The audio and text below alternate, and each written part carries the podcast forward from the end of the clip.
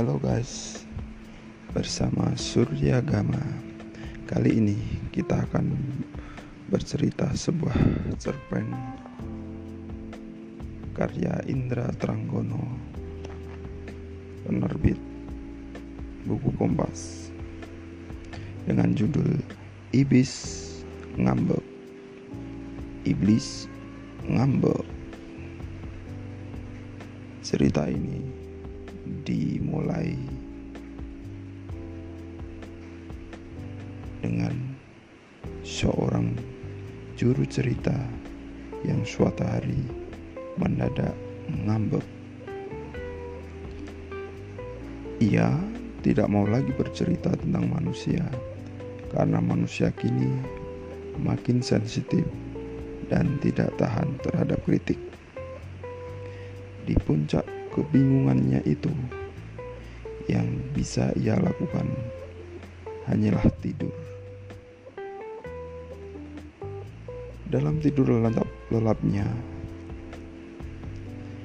ia bermimpi ditatangi oleh iblis. Bukan main takutnya sang juru cerita melihat sosok iblis yang seram, berbadan tinggi besar, dengan mata yang besar dan raut muka yang sangar.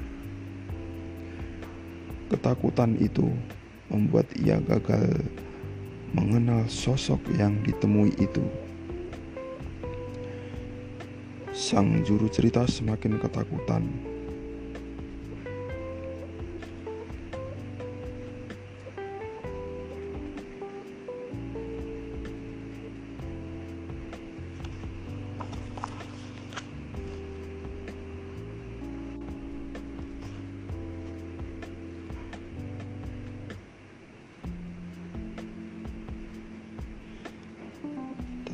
sang iblis malah mencegahnya untuk tidak takut. Ia justru minta tolong. Katanya, sang iblis sudah lama memendam kejengkelan terhadap bangsa manusia. Hanya kepada sang juru cerita ia mau menceritakan beban perasaan yang selama ini menindihnya. Beginilah pengakuannya. Saya atas nama iblis dengan ini menyatakan mengundurkan diri sebagai penghasut dan penggoda manusia untuk berbuat dosa. Keputusan ini saya ambil dengan sesadar-sadarnya, tanpa tekanan, apalagi disuap oleh bangsa manusia. Perlu saya tegaskan bahwa iblis tidak mengenal suap atau korupsi. Jadi, apabila ditemukan oknum iblis mengorupsi uang negara, maka si oknum iblis itu telah kang selupan manusia. Bahkan tak jarang perilaku manusia itu jauh lebih iblistik daripada iblis itu sendiri.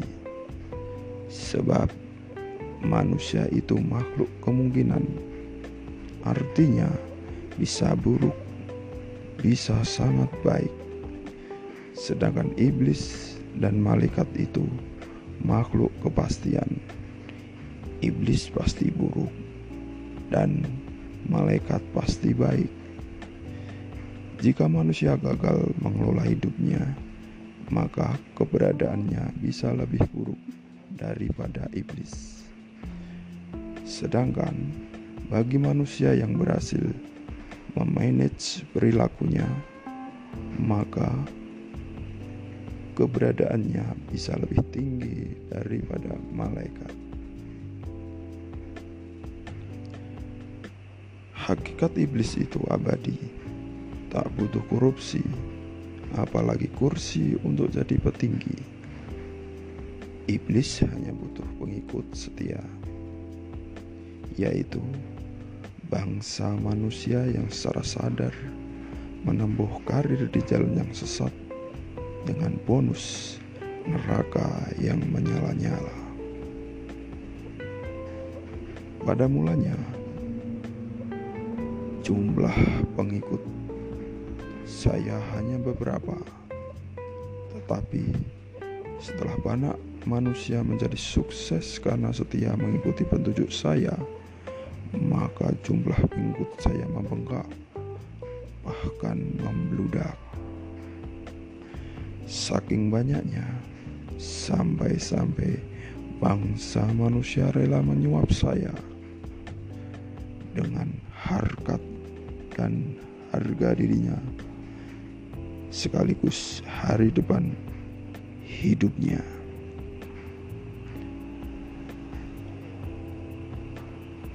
Saya benar-benar kewalahan. Formulir pendaftaran selalu dicetak ulang menjadi bermiliar-miliar eksemplar demi memenuhi hasrat manusia untuk menjadi pengikut saya. Jutaan, bahkan miliaran manusia mengagumi saya. Aku menjadi ilham termasuk dalam sastra. Di setiap kota di bawah matahari, namaku adalah poros dari lingkaran pendidikan agama, seni, dan filsafat. Bila bukan karena aku, tidak ada kuil dibangun, tidak ada menara atau istana didirikan. Aku adalah keberanian yang menciptakan gerak dalam diri manusia. Aku adalah sumber dari yang mengucapkan orisine litas pikiran. Aku adalah tangan yang menggerakkan tangan-tangan manusia. Akulah iblis abadi. Aku adalah iblis yang diperangi manusia agar mereka tetap hidup. Bila mereka berhenti memerangi aku, kelambanan dan kemalasan akan mematikan pikiran, hati, dan jiwa sesuai dengan hukum hukuman aneh dan mitologi dahsyat mereka. Tetapi itu dulu. Sekarang ini terasa sia-sia bahkan sedikit ngoyoworo mencari-cari dan terlalu out of date. Sebab selama ini bangsa manusia membutuhkan iblis hanya untuk dicatut namanya sehingga setiap tindakan penyimpangannya menjadi sah dan legitimate. Tindakan korupsi, merampok, membunuh, dan menindas yang terang-terangan dilakukan secara murni dan konsekuen oleh manusia selalu dikatakan karena bisikan iblis.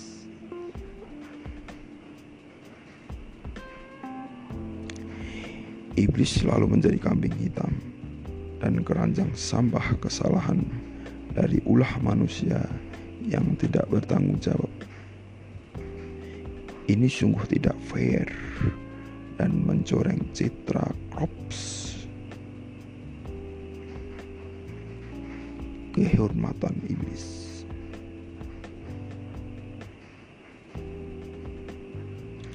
Bagaimana mungkin saya sang iblis yang celaka ini bisa melukakan itu. Lawong sudah cukup lama saya ini menganggur. Cuklak dan cuklis kerja kami yang sengaja dibuat untuk menggoda manusia agar tersesat. Sudah lama kami simpan dalam hati. Segala hasutan, bisikan, dan godaan saya sudah tidak mempan lagi bagi manusia. Saya pun telah putus asa menjadi provokator manusia. Lawong manusia kini makin pintar menjadi provokator bagi bangsanya sendiri.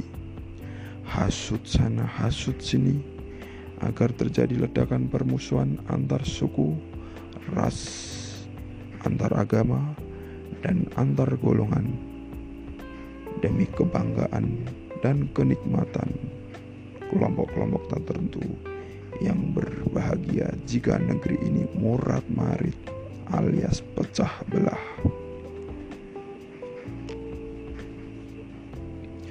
Saya benar-benar sedih, bukan karena saya kehilangan job untuk menggoda manusia, tetapi karena ngeri melihat ulah manusia yang telah sukses besar melakukan transformasi budaya dengan mengadop nilai-nilai keiblisan secara sempurna. Bahkan saking sempurnanya, mereka tidak lagi butuh mentor dan fasilitator kejahatan macam saya iblis yang celaka ini. Saya sangat sedih, bukan karena bangsa manusia itu meninggalkan saya, bukan, tetapi justru karena para manusia itu kini sudah tidak malu lagi membuka kursus-kursus, bimbingan-bimbingan belajar, dan sekolah kepribadian bagaimana menjadi iblis yang baik. Dan yang paling mencemaskan, nilai-nilai keiblisan itu sudah menjadi sistem budaya, sistem politik, sistem sosial, sistem ekonomi yang lengkap dengan kurikulum serta cuklak dan cuklisnya. Memang edan zaman sudah semakin edan.